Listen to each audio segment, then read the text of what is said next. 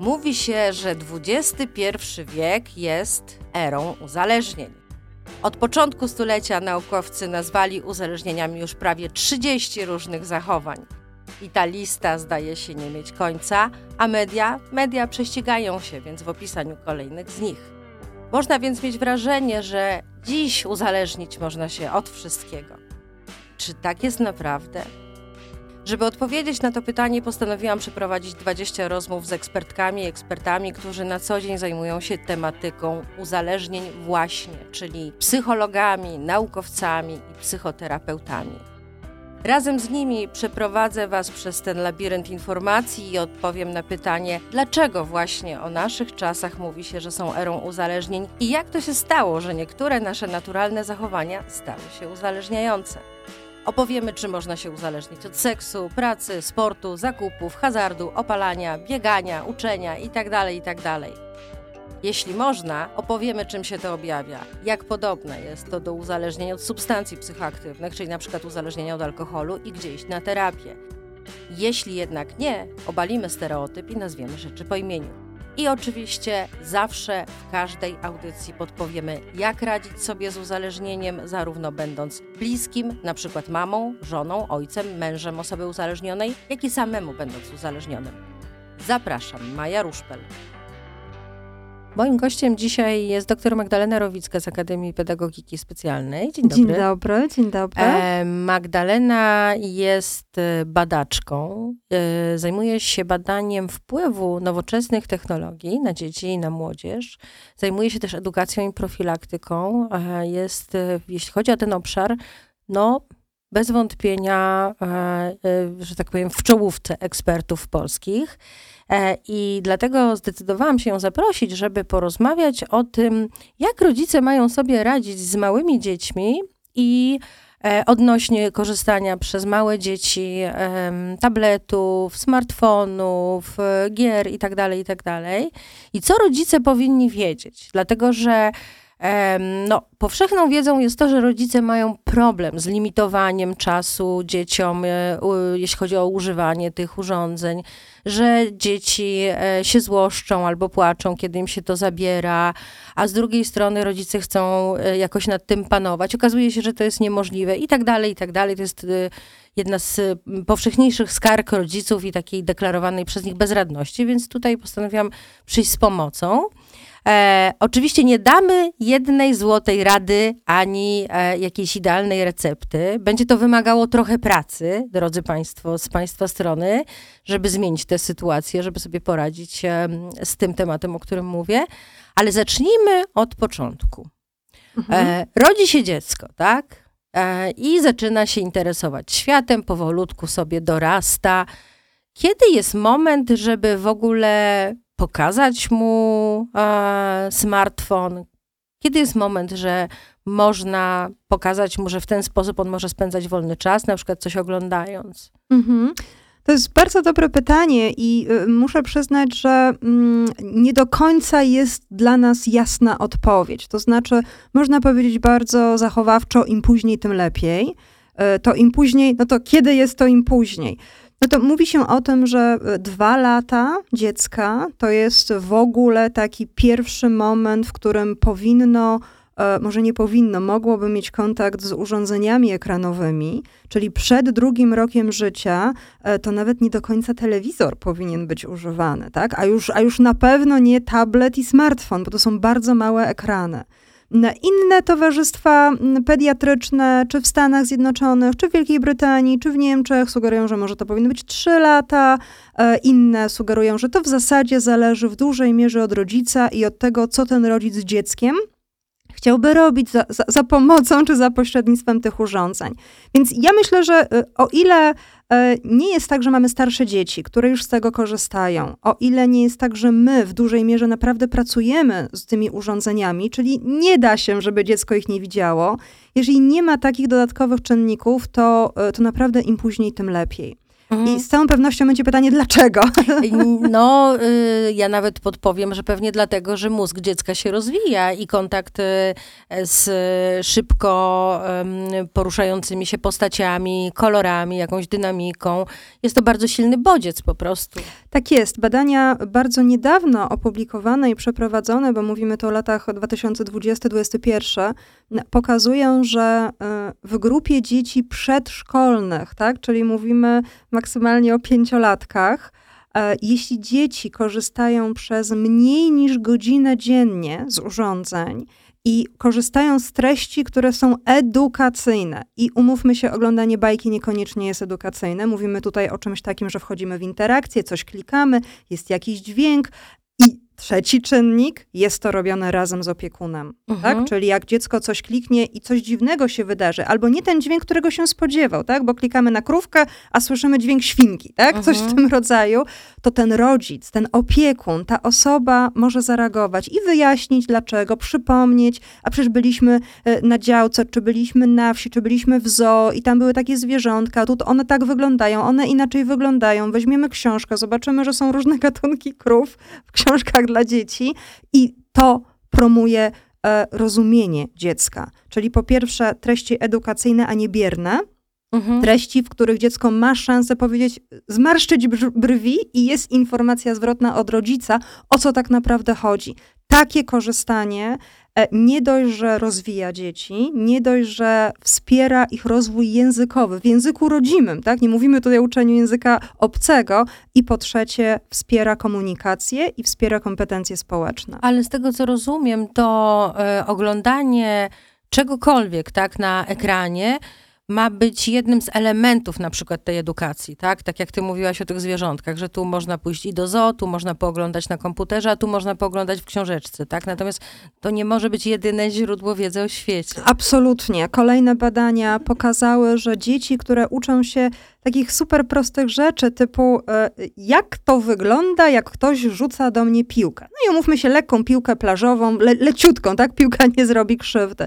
Jeżeli dzieci uczą się tego na tablecie albo w jakimkolwiek programie, tak, w filmie, to nie jest to tak dobrze odzwierciedlone, w związku z czym jak piłka leci w naszą stronę, to ona ma tym filmie taki sam rozmiar. A następnie idziemy na plażę, zbliża się lato, Mhm. i e, leci piłka, która nie zrobi dziecku krzywdy w jego stronę i ono zaczyna płakać, ono zaczyna się bać, bo to nie jest ten sam świat, to samo doświadczenie, które pierwsze poznało e, w filmie czy, czy na tablecie. No, to bardzo dobra ilustracja, taka, taka dosłowna, bym powiedziała, i bardzo działająca na wyobraźnię. Ale podsumowując, po pierwsze, em, jeśli chodzi o małe dzieci, to najwcześniej kontakt, konkretne rady mamy. Po drugim roku życia koniecznie z opiekunem, z rodzicem, który będzie to kontrolował, będzie dzielił tą aktywność z dzieckiem i w razie czego będzie reagował, tak? I jak rozumiem, e, maksymalnie godzinę dziennie. E, Maksymalnie godzinę dziennie, przy czym tutaj mówimy nawet o tych starszych dzieciach, o pięcioletnich, tak? Jeżeli mówimy o dwulatkach, to e, myślę, że 15 minut dziennie powinno wystarczyć, między innymi dlatego, żeby znaleźć też inne aktywności, żeby była ta przestrzeń. Więc absolutnie, tak? I to jest, jeszcze raz powtórzę, bo to jest niezmiernie ważne, bo, bo być może nie do końca jako rodzice to rozumiemy, zwłaszcza rodzice, którzy się tym w ogóle nie zajmują, tak? E, Bycie z dzieckiem to nie znaczy, że dziecko siedzi na kanapie, a ja sprzątam mieszkanie dookoła, tak? Bycie z dzieckiem oznacza, że ja siedzę na tej kanapie, ja siedzę na podłodze razem z dzieckiem i razem korzystamy, tak? Z tej aplikacji, czy z tego telefonu, czy z tego, z tego urządzenia. Więc to jest bardzo ważne, żeby to był czas spędzony razem, te 15 minut, a jeżeli chcemy, żeby dziecko się samo sobą zajęło, to naprawdę jest cała masa klocków, kolorowanek i innych, nawet bardzo tanich rozwiązań, takich, które możemy znaleźć w kuchni albo w łazience, tak? Taki kawałek papieru, który skleimy razem i dziecko będzie wrzucało różne przedmioty przez niego i będzie się super cieszyło, że one lądują z powrotem na podłodze, e, ale, ale nie ekrany. Nie Mhm. ekrany, bo bo możemy doprowadzić do tego, że dzieci zaczną e, nie chcieć nic innego robić, tylko i wyłącznie spędzać czas nad, nad, przed tym ekranem. Bo myślę sobie, że w przeciwieństwie do codzienności i rzeczywistości, która jest raczej powtarzalna, statyczna, prawda, to to, co można zobaczyć, co może dziecko zobaczyć na ekranie w postaci na przykład bajki albo jakiejś gry, jest dużo bardziej rozbudowane, jeśli chodzi o rodzaj bodźców. Tam się dużo dzieje, są różne postaci, różne kolory, jest dynamika, jest muzyka. Tych wszystkich bodźców nie ma w codziennym życiu, w codzienności, więc jak rozumiem, jeśli przyzwyczajamy od najmłodszych lat do takiego silnego bodźcowania, to ta codzienność będzie nieatrakcyjna wobec tego. Świetnie powiedziane, tak? Absolutnie. Y, Jednak coś, co przyciąga naszą uwagę, przyciąga uwagę dziecka, to jest coś, co się nagle wydarzyło. Jakiś dźwięk, jakiś kolor, jakieś świszczenie i faktycznie przebodźcowanie, bo trochę to to będzie oznaczało, będzie prowadziło do tego, że dzieci będą miały problem ze snem na przykład. W związku z czym absolutnie nie tuż przed snem. Nie oglądamy bajki e, po to, aby zasnąć. To także tyczy się oczywiście rodziców, czyli nas, nas dorosłych, ale przede wszystkim dzieci. Nie, nie, mm, nie stosujmy tych urządzeń i tych bajek e, do tego, żeby uśpić dzieci. Są inne możliwości. Są bajki relaksacyjne, które nie są do oglądania, ale do słuchania, albo muzyka relaksacyjna, po to, żeby nie było tego bodźcowania w oczy, tylko i wyłącznie dostosowana, wyciszająca muzyka albo bajka którą słyszymy. I to jest absolutnie zalecane przez psychologów, przez, przez pedagogów, przez psychiatrów, ale nie ekran, tak? Czyli przed snem nie, bo dzieci nie będą e, w pełni odpoczywały podczas tego snu. Będą e, takie, byśmy powiedzieli, zmęczone poznawczo, zmęczone wizualnie i padną, tak? A nie zasną w sposób świadomy. Więc to też jest bardzo ważne. Teraz chciałam chwilę porozmawiać o samych rodzicach, bo dotknęłaś takiej bardzo delikatnej kwestii, bardzo wrażliwej, e, a mianowicie tego, że mm, rodzice, mm, mówię to z własnego doświadczenia, ponieważ też prowadziłam różne zajęcia profilaktyczne, też rozmawiałam z różnymi rodzicami na ten temat, e, jako właśnie pedagog i profilaktyk. Jakby w pierwszej chwili to, co, co my tutaj mówimy, e, i ja to rozumiem, oni traktują to jako krytykę, tak? Oni często się czują obwiniani. Ja chcę bardzo mocno podkreślić, że, że absolutnie to e, nie o to tutaj chodzi, tylko chodzi o to, że te nowoczesne technologie tak właściwie zalały naszą rzeczywistość, że my możemy za nią nie, e, nie nadążać. I po prostu wiele osób tak naprawdę nie zna tych zasad zdrowych używania tych nowoczesnych technologii. E, I staramy się tutaj e, wyjść no, z, z jakąś inicjatywą, żeby, żeby to po prostu zmieniać, żeby nas wszystkich edukować. My same w trakcie ostatnich lat, kiedy się zajmowałyśmy tym tematem, też przecież z roku na rok zdobywałyśmy na ten temat wiedzę, bo to jest wiedza, która się po prostu dynamicznie rozwija. Ale zmierzam do tego, że sama byłam świadkiem, a propos właśnie e, rodzica i dawania do oglądania jakichś filmików, na przykład na YouTubie. Widziałam taką scenę. E, Para młodych rodziców e, chce przewinąć małe dziecko, chce zmienić pieluchę. To dziecko leży na stole, bardzo się wierci, wierzga. No, nie radzą sobie, a muszą to zrobić bardzo szybko. I widzę ruch matki, która bierze swojego smartfona, włącza jakąś piosenkę dynamiczną i to dziecko od razu się uspokaja, ponieważ cała jego uwaga jest skoncentrowana na tym filmiku i wtedy oni mogą spokojnie je przewinąć, tak? I Mhm. e, ten przykład mówi o tym, że często rodzice używają tych nowoczesnych technologii i tego, co te nowoczesne technologie ze sobą niosą, do tego, no, żeby dziecko uspokoić, albo żeby dziecko aktualnie nie przeszkadzało w czymś, albo e, żeby coś było, można było łatwiej zrobić z tym dzieckiem, Mhm. prawda? Czy to jest duży błąd? Znaczy, powiem tak, może w pierwszej kolejności jeszcze odniosę się do tego, co powiedziałeś. Absolutnie to, to, to nie jest tak, że my krytykujemy. My pokazujemy, jak wygląda świat na chwilę obecną, co rodzice robią. Na pewno to służy temu, co chcą osiągnąć, ale jest kilka ale i myślę, że bardzo ważne jest po powiedzenie, dlaczego nie należy dawać dwumiesięcznemu dziecku oglądania bajek w telefonie. Mhm. jakie mogą być dalsze konsekwencje. Kto by o tym wiedział, tak? To się nie zajmuje psychologią, czy, czy neurobiologią, czy, Oczywiście. czy tymi obszarami, więc absolutnie e, e, proszę nie rozumieć nas w ten sposób, kierujemy do wszystkich rodziców. Mhm. Natomiast tak, e, to jest też trochę tak, że jeśli coś się dzieje i potrzebujemy natychmiast reakcji, to w telefonie mamy wszystko. Mhm. My powinniśmy jako rodzice, jako osoby dorosłe trochę odchodzić od tego, żebyśmy w telefonie mieli wszystko i na przykład tutaj chodzi o to, że są dźwięki, tak? Że dźwięki, że coś się rusza. E, Daję sobie rękę obciąć, Mhm. że znajdziemy w sklepie z zabawkami grzechotkę, e, dostosowaną do wieku, która Mhm. będzie również jakieś dźwięki wydobywała z siebie. Może to być dźwięki różnych zwierząt, tak, Okej. które będą interesowały, będą przyciągały uwagę dziecka w takiej kryzysowej sytuacji, tak? Mhm. I to samo w każdej innej. To znaczy, zwróćmy uwagę na to, ile osób ma e, zegarki e, w domu typu budzik, który nie jest telefonem i spełnia tylko i wyłącznie funkcję budzika, prawda? Nie znam takich osób już. I, ja znam jedną, która absolutnie świadomie wprowadziła zakup budzika po to, żeby dzieci nie nadużywały telefonu, tak? To samo z aparatem, e, tele, z, z aparatem do robienia zdjęć. Mhm. Tak, ile osób korzysta z aparatu, skoro bardzo dobre aparaty są w telefonie? My zaczęliśmy w to jedno małe urządzenie wkładać absolutnie wszystko, bo to jest łatwe. Dużo łatwiej jest mieć telefon niż grzechotkę, e, coś jeszcze, piłeczkę i, i jeszcze czwartą rzecz, a tylko idziemy na chwilę na spacer.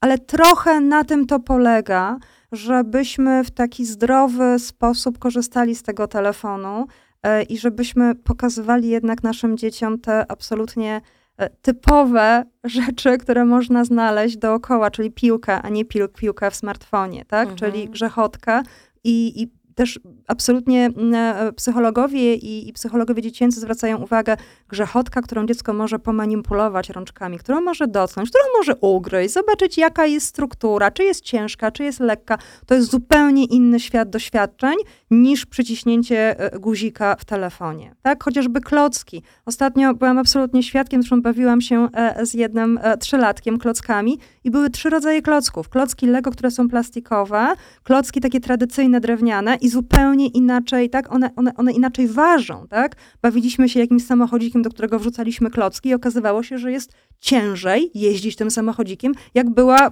tak, cała masa klocków w nim. I to są doświadczenia, których nie zastąpi nam smartfon, nie zastąpi nam bajka. Teraz chciałabym e, podać kilka, kilka liczb, ponieważ ty się zajmujesz badaniami naukowymi, tak? I e, jednym z badań e, właśnie było badanie rodziców dzieci odnośnie tego, jak korzystają z tych smartfonów, tabletów w Polsce, co rodzice wiedzą i tak dalej, i tak dalej.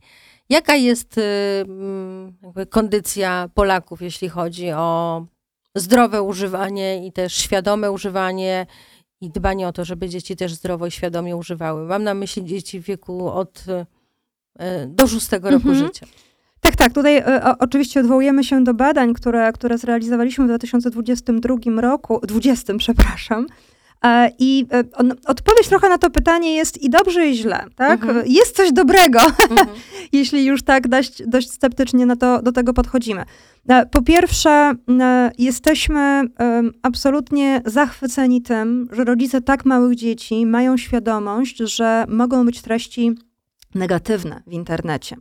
Że treści, e, jak dziecko odpala sobie nawet YouTube'a, tak, to mogą tam się e, gdzieś zawieruszyć treści agresywne, treści A tak- wulgarne. A tak ci wejdę w słowo prowokacyjnie, no a to takie znowu zachwycające i zaskakujące? E, W porównaniu z pozostałymi wynikami to tak. Aha, okej. To znaczy, jesteśmy naprawdę bardzo pod wrażeniem tego, że rodzice wiedzą, że te treści mogą być bardzo różne i Mhm. stosują różne metody kontroli tych treści. Od e, kontrolowania czasu, które dziecko spędza, poprzez kontrolowanie z użyciem aplikacji chroniących dzieci, e, e, korzystających z aplikacji w trybie tylko dla dziecka, na przykład, tak, już wspomniany YouTube, który też ma tę wersję tylko i wyłącznie dla dzieci, aż po e, taką konieczność akceptacji przez rodzica e, sytuacji, kiedy dziecko chciałoby coś nowego zainstalować. Ja chciałam zapytać o to, jaki procent rodziców zna te narzędzia i je stosuje, ponieważ ja znam wcześniejsze badania i to robione przez różne instytucje i e, uczelnie i fundacje.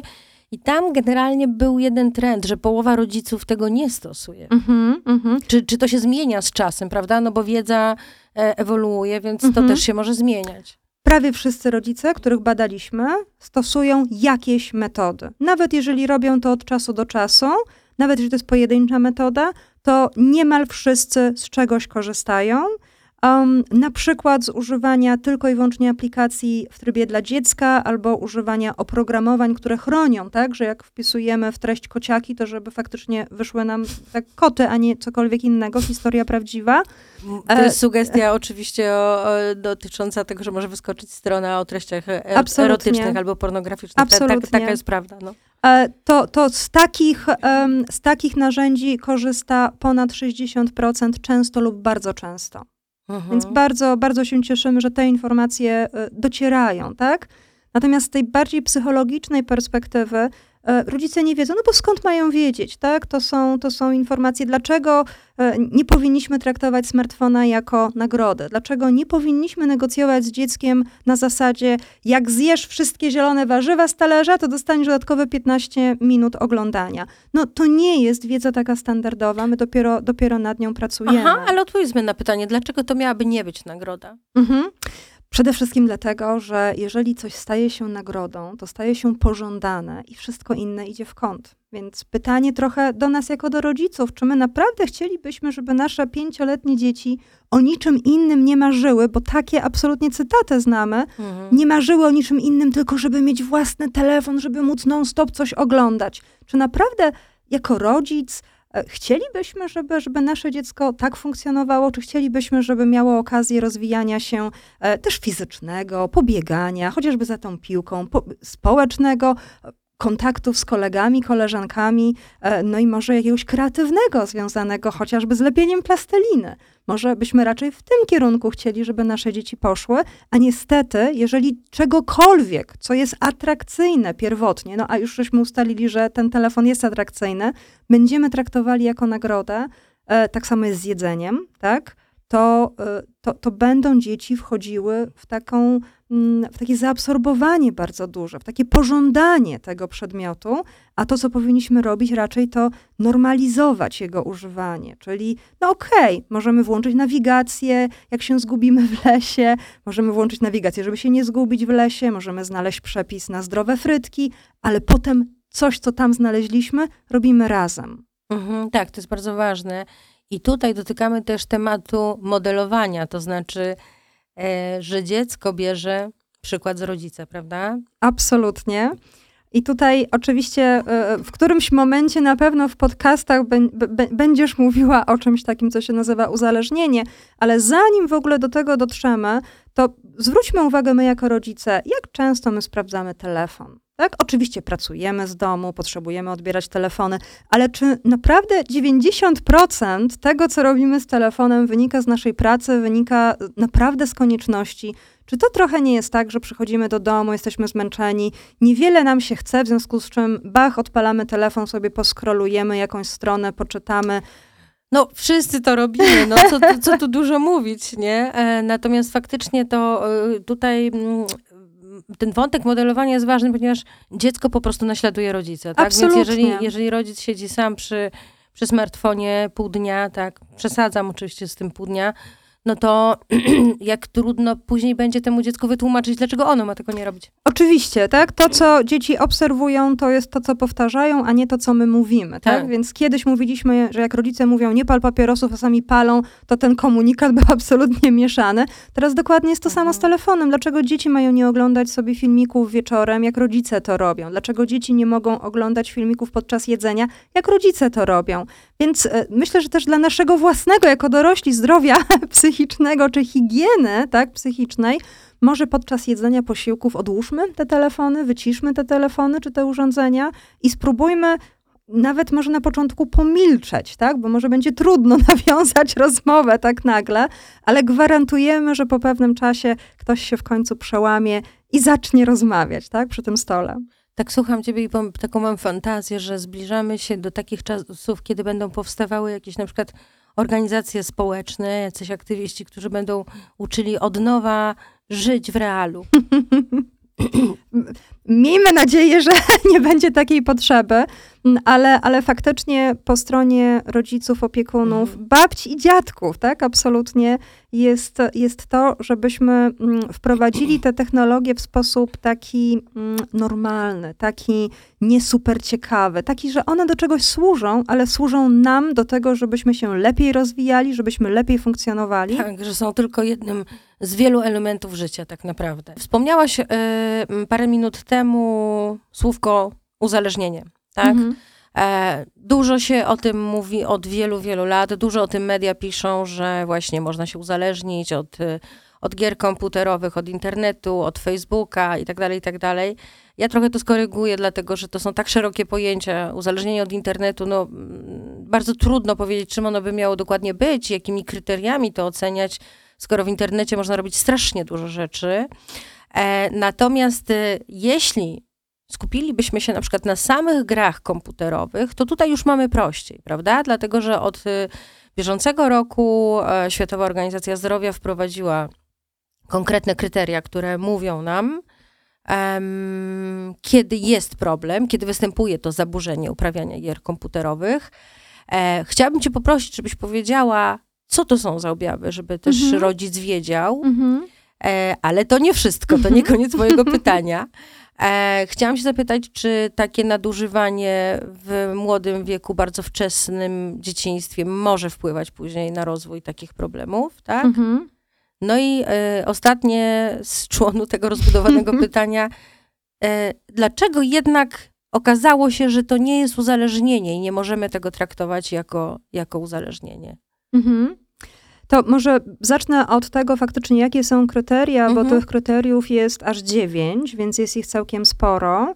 Mm, Na przykład e, o uzależnieniu czy o zaburzeniu, tak, bo, bo powinniśmy formalnie mówić o zaburzeniu, mówimy wtedy, kiedy mm, osoba jest zaabsorbowana myśleniem o tej czynności i robieniem jej. Tak? No, trudno sobie wyobrazić absolutnie sytuację, kiedy mamy jakiś problem e, e, typu uzależnienie, będę trochę nadużywać tego słowa, no, a w ogóle się nie, nie zajmujemy tą czynnością. Czyli ktoś, kto planuje, myśli, rozmyśla, co było ostatnio, zastanawia się, jakby tutaj wrócić do domu szybciej, żeby móc zagrać, no to to jest taki przejaw zaabsorbowania. No i oczywiście w związku z tym całkiem długo gramy.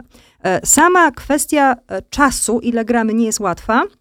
Ponieważ e, na pewnym etapie myśleliśmy, że 30 godzin w tygodniu to już jest tak sporo, ale badania pokazują, że zarówno gracze problemowi, jak i nieproblemowi grają po 30 godzin. Więc musielibyśmy postawić tę granicę naprawdę bardzo wysoko, 70 godzin w tygodniu, tak? To już myślę, że wszyscy się zgodzimy, że To to, jest- sugeruje To już pewien jest problem. pełen etat, Absolutnie. praca etatowa. Absolutnie. E, Ale znowu, może się okazać, że ktoś zarabia na graniu, bo jest testerem Tak, gier, tak, więc, tak. więc tak, nie tylko to kryterium ilościowe. Więc to jest jedna kwestia, tak? No drugą kwestią oczywiście będzie to, że jak zabieramy możliwość korzystania, to się źle czujemy. W przypadku dzieci, młodzieży to bardzo często jest trochę agresja, tak? Czyli e, może być rzucanie się na podłogę, uderzanie e, tak, e, e, pięściami w podłogę, ale może też być e, mówienie, mówienie wulgaryzmów. I to jest też zrozumiałe, ponieważ bardzo często polega to na tym, że e, no nawet dzieci najpierw dawaliśmy, pozwalaliśmy bez większych, e, e, bez większych ograniczeń i nagle zabieramy. Każdy by się zdenerwował, tak? Nie musi nawet być, e, być to zaburzenie. Kolejnym takim bardzo ważnym czynnikiem jest wystąpienie negatywnych konsekwencji na skutek tego korzystania, czyli jest to problem w szkole. Coraz gorsze oceny, coraz gorsze relacje e, z nauczycielami, z kolegami, e, coraz większe wyizolowanie się, coraz większe też kłótnie z rodzicami, tak? Czyli na każdym, na każdym wymiarze. Jak oczywiście mamy osobę trochę starszą, no to szkołę zamieniamy na pracę, tak? E, Relacje z rodzicami zamieniamy na relacje z żoną, mężem, tak? E, Z dziećmi. Zdarzały się sytuacje, kiedy ktoś zapomniał odebrać dziecka z przedszkola, bo tak był pochłonięty graniem, tak? W grę mm, e, komputerową. E, Więc myślę, że, że to są takie najważniejsze wskazówki pokazujące, że możemy być uzależnieni, czy możemy mieć rozwinięte zaburzenie. Poza tym oczywiście mówimy o tak zwanym e, hm, wzroście tolerancji, czyli z czasem potrzebujemy zdecydowanie więcej grać, żeby uzyskać ten sam efekt, żeby się trochę lepiej poczuć. Bardzo ważnym takim wymiarem em, e, dla, dla psychologów, dla psychiatrów jest też to, dlaczego my w ogóle zaczęliśmy grać. Co takiego spowodowało, że my zaczęliśmy grać i poszukiwaliśmy jakiejś przyjemności w tej grze. I bardzo często mówimy o tym, że to jest próba zrekompensowania sobie tego, że nam nie idzie w życiu, tak? Że mogła się wydarzyć jakaś trauma, to jest jeden obszar, ale może być tak, że nie jesteśmy dobrzy z żadnego przedmiotu. Ta nauka jakoś specjalnie nam nie idzie. Nie jesteśmy duszą towarzystwa, jesteśmy nieśmiali. Do tego rodzice no, zajmują się sobą, e, dużo pracują, nie bardzo mają czas dla nas. I tak naprawdę my chcielibyśmy się poczuć gdzieś lepiej, chcielibyśmy, żeby coś było przyjemnego. Inny przykład może być taki, że rodzice się kłócą rodzice się kłócą, tak? Myślę, mhm. że każdy z nas miał taką sytuację i czasami dzieci, zwłaszcza te mniejsze dzieci, 7, 8, 10-letnie, bardzo trudno jest im znieść tę kłótnię, w związku z czym szukają jakiegoś zachowania zastępczego, no i mogą odkryć, że jak grają w grę komputerową, mają, e, mają słuchawki na uszach, to nie słyszą tego, że rodzice się kłócą, po pierwsze, a po drugie, wchodzą w treść gry, interesują się, zupełnie zapominając o tym, co się dzieje, no właśnie, poza, poza drzwiami pokoju. E, I to jest ten element takich pozytywnych oczekiwań związanych, związanych z grami. No i oczywiście nie, nie, jestem pewna, czy to e, wystarczająco wybrzmiało, ale utrata kontroli nad naszym zachowaniem, tak? Czyli nie jesteśmy w stanie już racjonalnie powiedzieć, ok, pogram sobie godzinę i odrobię pracę domową, tylko jak zaczynam grać, to gram do upadłego, tak? E, e, trochę ukrywam prawdę przed rodzicami. Wstaję o godzinie drugiej w nocy e, po to, żeby pograć, żeby mieć święty spokój, tak? Zasłaniam ten prześwit pod drzwiami, żeby rodzice nie widzieli, że się światło u mnie świeci i, i, i gram, tak? Żeby mieć święty spokój. To, to myślę, że są takie absolutnie super ważne wskazówki dla rodziców, że być może, być może mm, mamy, mamy powoli problem. Mhm. I teraz jedna z tych trzech rzeczy, które wymieniłam, a mianowicie kwestia kwestia uzależnienia, dlatego że przez wiele lat, naprawdę no, przez 30 co najmniej myślę, um, zastanawiając się, mówię o środowisku naukowców, badaczy, psychologów, psychoterapeutów, zastanawiając się nad tym, czym jest właściwie ten problem z, z, z nadużywaniem na przykład gier, tak, no właśnie się mówiło, że to jest uzależnienie. Czyli to jest coś takiego jak uzależnienie od alkoholu, to jest coś takiego jak uzależnienie od marihuany, hazardu i tak dalej, i tak dalej, tak? I to się wryło w świadomość. To jest potocznie ludzie mówią, o, jesteś uzależniony od gier, nie? E, I to może być niezrozumiałe, dlaczego właśnie nie, dlaczego nie powinniśmy o tym mówić jako uzależnienie. Oczywiście, no, wydawało się do któregoś momentu, że to może iść w tym kierunku, ale suma summarum badania międzynarodowe pokazały, że to nie nie jest uzależnienie. Jak to da się jakoś najprościej wytłumaczyć mm, komuś, kto mm -hmm. nie zna się na psychologii? Znaczy, to, to jest w ogóle bardzo ciekawe pytanie i tak naprawdę w dalszym ciągu trwają y, debaty w środowisku, czy, czy, czy jest to przykład um, takiego zaburzenia jak hazard, takiego zaburzenia jak e, używanie substancji psychoaktywnych, czy być może jednak nie. I, i, i muszę przyznać, że e, pierwsza zmiana, która zadziała się w klasyfikacji DSM w 2013 roku, to był pierwszy taki moment. Musimy kiedy... powiedzieć, co to jest DSM. dobrze, dobrze. Klasyfikacja, klasyfikacja DSM to jest klasyfikacja chorób i zaburzeń psychicznych, to jest klasyfikacja, w której znajdą się wszystkie takie zaburzenia e, związane ze zdrowiem psychicznym, tak? Amerykańska. Amerykańska. Mhm. E, I, I to był pierwszy taki moment, kiedy w ogóle zauważono, że z tymi grami komputerowymi może być jakiś problem, ale jeszcze nie do końca mieliśmy badania, jeszcze nie do końca wiedzieliśmy co i jak, w związku z czym w tak zwanym załączniku zostało to umieszczone. To, co się wydarzyło w klasyfikacji e, ICD-11, tak, czyli już klasyfikacji WHO klasyfikacji, e, która obowiązuje w Polsce, jest to taka klasyfikacja medyczna, w której wszystkie zaburzenia i choroby się znajdują, która obowiązuje teraz nowa jej e, edycja, nowa rewizja na świecie, ale w Polsce pewnie jeszcze półtora roku na to poczekamy. E, to jest bardzo ważna zmiana, która się zadziała. To znaczy w tej, w tej, w tej takiej, takiej całej kategorii związanej z uzależnieniami, które już zmieniły nazwę na zaburzenia używania substancji, pojawiła się nowa podkategoria mówiąca, no i tutaj e, nie chcę tłumaczyć tego samodzielnie na język polski, bo na pewno są mądrzejsi ode mnie, którzy zrobią to prawidłowo, ale generalnie jest sugestia, że są pewne zachowania, które mają taką charakterystykę podobną do uzależnień. Tak? Mhm. E, I w tej kategorii znalazło się zaburzenie związane z graniem w gry hazardowe i komputerowe. My w ogóle zaczęliśmy odchodzić od słowa uzależnienie jako takie i mówimy o kwestii związanej z zaburzeniem, związanym z używaniem. I jednym z takich elementów, dlaczego odchodzimy, jest to, żeby nie stygmatyzować osób, które się z tym borykają. Bo osoby uzależnione w ogóle, jako takie Tak. od dziesiątek lat y, były po prostu społecznie stygmatyzowane. E, No oczywiście to wiązało się też z tym, że y, no różne, różne działania te osoby podejmowały, tak, no bo wyobraźmy sobie kogoś, kto jest uzależniony od hazardu, no to niestety z tym się wiąże na przykład to, że miał długi, tak, albo nie oddawał pieniędzy. E, Jeśli był, ktoś był uzależniony od alkoholu i to było bardzo głębokie uzależnienie, no to mógł się zachowywać chociażby w sposób agresywny. E, Natomiast e, te zachowania, o których mówię, one się jakby skleiły w ogóle z człowiekiem.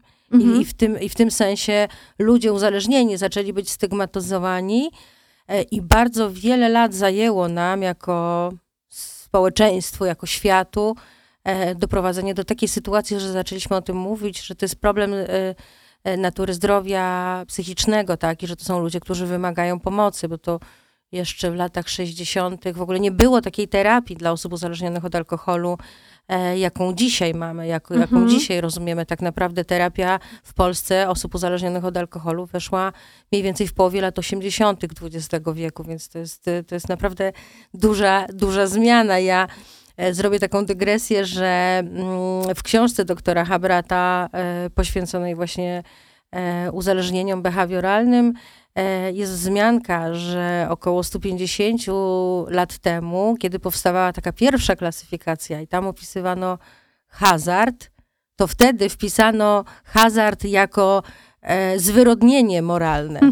tak, także przeszliśmy Tak. długą drogę e, i też tutaj wrzucam, wrzucam to tło historyczne i tą ewolucję myślenia o uzależnieniach, że faktycznie przez dziesiątki lat jednak się e, wykształciło takie myślenie, no, że uzależniony e, to jest ten Ważne, żeby to powiedzieć, że tych słów też już staramy się raczej nie używać, alkoholik, narkoman, dlatego że one właśnie są stygmatyzujące z tego powodu, że właściwie budują tożsamość człowieka w ten sposób. To jest bardzo ważny punkt, tak? To jak ja powiem, że jestem osobą uzależnioną, to proszę zwrócić uwagę, jestem, Tak, tak? tak, tak. A mam zaburzenie, mam problem, to jest zupełnie co innego, tak? Też Mhm. dla procesu terapeutycznego, też dlatego, żebym podjęła e, pewną odpowiedzialność za ten proces, żebym uczestniczyła w nim i że jak mi się no, noga powinie, tak, jak będę miała wpadkę, to, to, to e, nie mam takiego podejścia, no, no trudno, tak, jestem uzależniona, zawsze będę uzależniona, nic z tym nie mogę zrobić. Nie, nie, proces, czy, czy ten element związany z nawrotem też jest częścią procesu terapeutycznego i należy go zaakceptować.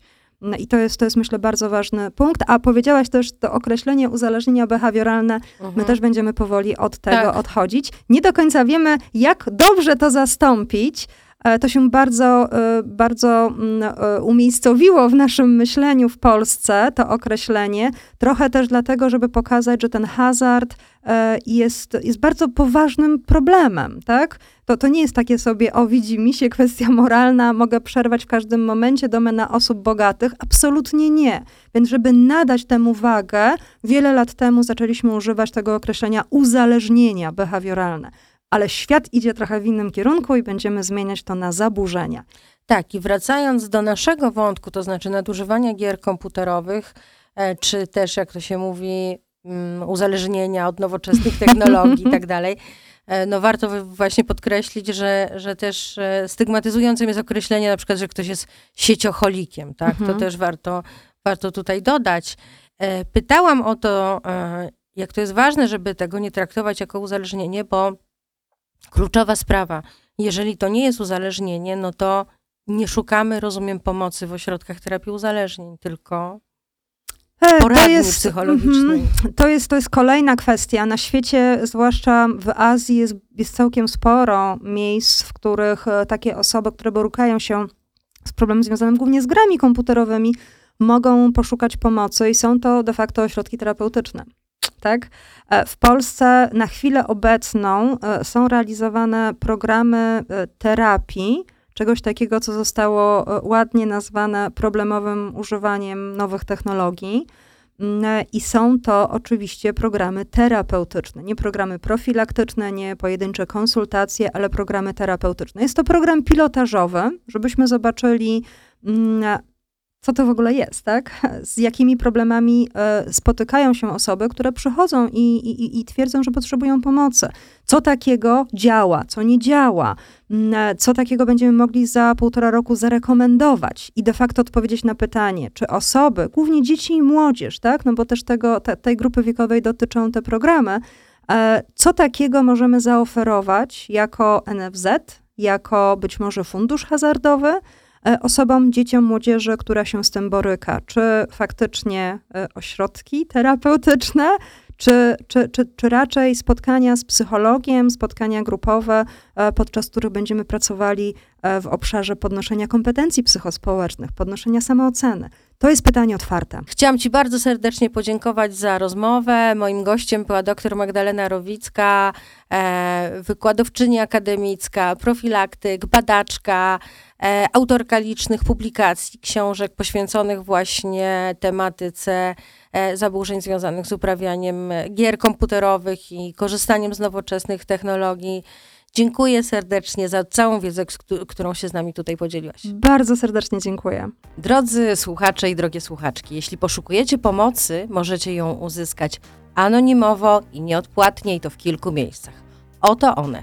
Pierwszym takim miejscem jest telefon zaufania numer 801 889 880. Kto może skorzystać z pomocy telefonu zaufania? Przede wszystkim osoby, które mają problem z uzależnieniem od czynności lub po prostu zastanawiają się, czego mają, ale także ich bliscy, rodziny, przyjaciele, znajomi.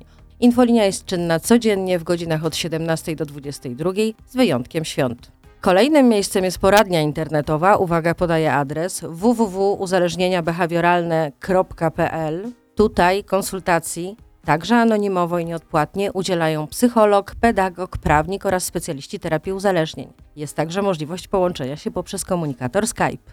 Jeśli zaś chcecie spotkać się z terapeutą uzależnień bezpośrednio, w znalezieniu placówek, które udzielają takiej pomocy, może Wam także pomóc informator, który można pobrać w internecie. Wystarczy wpisać do wyszukiwarki jego nazwę. Informator o placówkach udzielających pomocy w zakresie uzależnienia od hazardu i innych uzależnień behawioralnych.